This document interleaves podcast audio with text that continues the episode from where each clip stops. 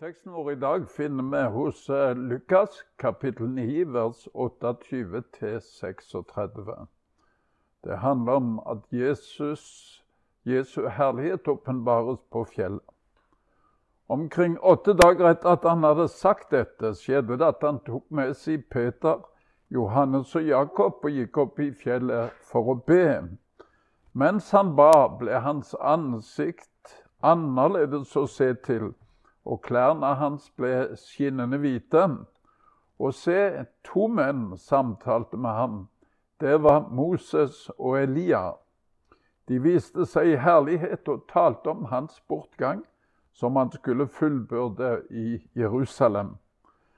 Peter og de som var med ham, var tunget av søvn, men da de ble fullt våkne, så de hans herlighet og de to mennene som sto sammen med ham.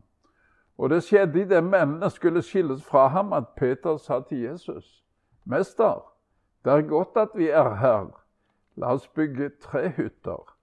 En til deg, en til Moses og en til Elia. Han visste ikke hva han sa.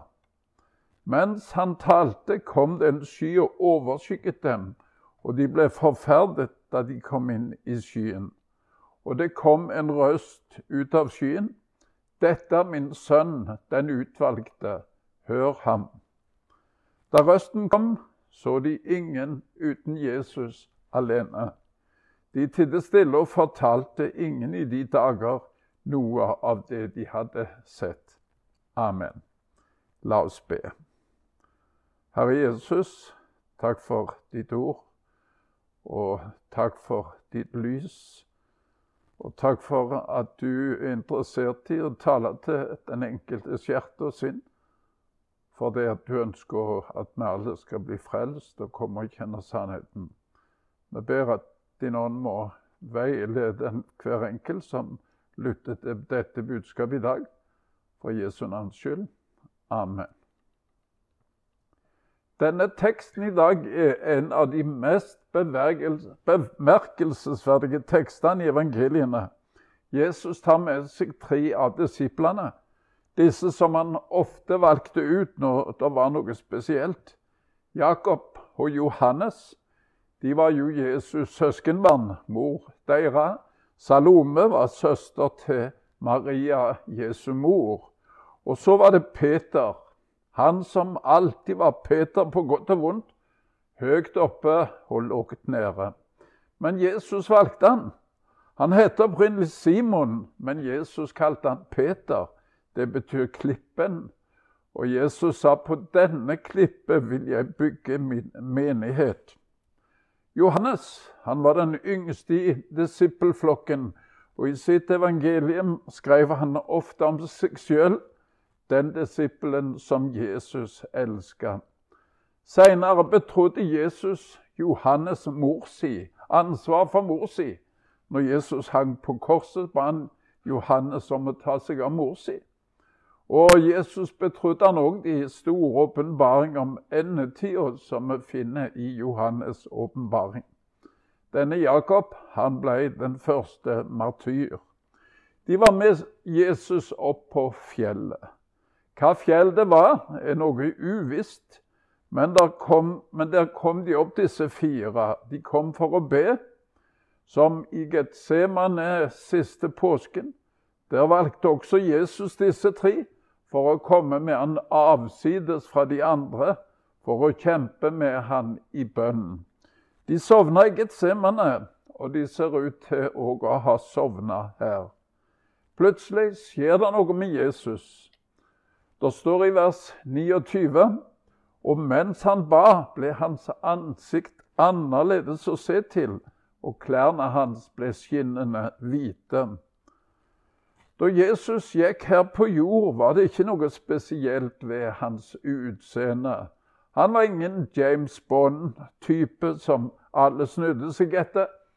Nei, Johannes Jesaja sier han hadde ingen skikkelse og ingen herlighet. Vi så ham, men han hadde ikke et utseende så vi kunne ha vår lyst i ham. Men her på fjellet altså, så stråla hans indre skjønnhet fram. Det som var skjult for de fleste som møtte han til daglig. Han blir forklaret, står det. Lukas ligner det med lynet. Matteus skriver om dette, og han sier det var som med sol og, og lyset. Markus skriver at klærne var så hvite at de ikke kunne gjøres hvitere. Plutselig, mens de ser den slik, så kommer to personer til syne. Og Det var to personer fra den gamle pakt. De kom for å samtale med Jesus. Og det ser ut som de var gamle kjente. De samtalte med han om hans bortgang og om det han skulle fullbyrde i Jerusalem. Det var Moses, han som representerte loven i Det gamle testamentet, som hadde formidlet folket om prisen de måtte betale for sin synd gjennom ofringene og alt dette som skjedde ved tempelet. Og så var det Elias, eh, representant for profetene. De som hadde profetert om ei nådetid som skulle komme, om Messias. Jakob, Johannes og Peter, den kristnes menighetsstøtter og grunnleggere, fikk her et sterkt vitnesbyrd fra disse om at Jesus han var sannelig Messias, som loven og profetene hadde vitna om. I Lukas 24, 27 så leser vi om Jesus etter oppstandelsen, der han går sammen med to av disiplene sine til Emmaus. De kjente han ikke. Og det står at han begynte fra Moses og fra alle profetene og utla for dem i alle skriftene det som står skrevet om ham. Disse tre disiplene skulle være viktige ledere for framtidens kirke, for framtidens troende. De trengte virkelig en overbevisning og en sterk opplevelse av Jesus som Messias. Johannes skriver senere om dette i sitt evangelium. I kapittel 1, vers 14 i Johannes evangeliet så sier Johannes og ordet ble kjød og tok bolig blant oss, og vi så hans herlighet, en herlighet som den en enbåren sønn har fra sin far, full av nåde og sannhet. Jesus kom til jord som menneske, og han tilbød, ja, han tilbyr nåde over nåde. Han er avbildet av Guds vesen. Han er en formidler av Guds inderlige ønske om å frelse oss mennesker fra den evige fortappelse. Men han er òg veien, sannheten og livet. I Salme 86, vers 11-12 leser vi Nåde og sannhet skal møte hverandre. Rettferd og fred kysse hverandre. Sannhet skal vokse opp på jorden, og rettferd skal se ned fra himmelen. For å få Guds nåde må vi innrømme sannheten om oss sjøl. Men vi må òg ta imot sannheten om det som Jesus gjorde for oss. Og så er det Peter. Han skriver òg om denne opplevelsen i sitt andre brev. I kapittel 1, vers 16, der skriver Peter For det var ikke kløktig uttenkte eventyr vi fulgte da vi kunngjorde for dere vår Herre Jesu Kristi makt og gjenkomst, men vi hadde vært øyenvitner til Hans storhet. For han fikk ære og herlighet av Gud Fader da en slik røst lød til ham fra den aller høyestes herlighet. Dette er min sønn, den elskede, som jeg har behag i. Og denne røsten hørte vi lyde fra himmelen da vi var sammen med ham på det hellige fjell, skriver Peter. Dette er ikke eventyr, sier han mot slutten av sitt liv. Jeg har sett med øynene og hørt Guds stemme, hørt Guds vitnesbyrd om han. Han er sannelig den som Skriftene taler om. Peter og Johannes kjente litt av himmelen der de sto. Det var så fantastisk at Peter ville sette i gang og bygge boliger slik at de kunne fortsette å være sammen. Han ville ikke gi slipp på denne vidunderlige opplevelsen.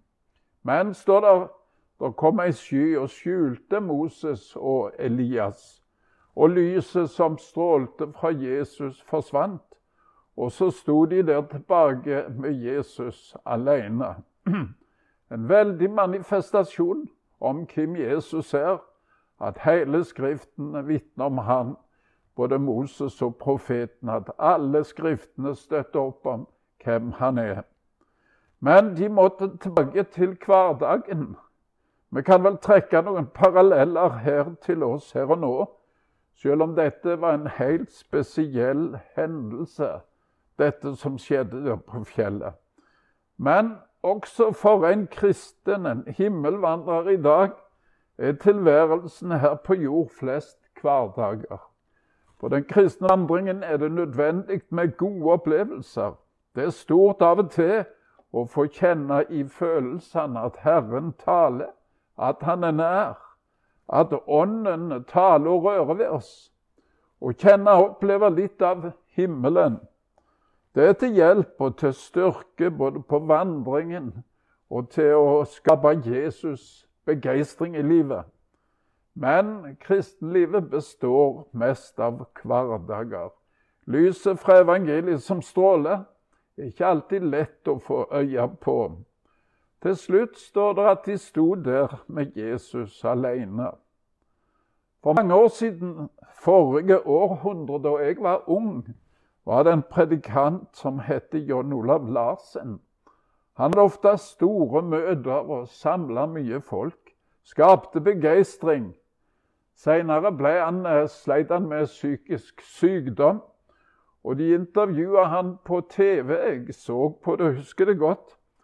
Hva sier du nå, når livet er blitt så forandra fra stormøter til sykeseng?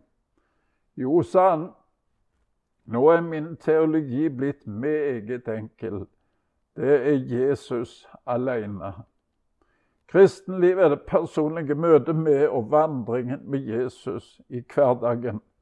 Vi takker for store og gode opplevelser, men som den kjente predikanten Billy Graham sa, kristendom, det er Jesus og vandringen med ham.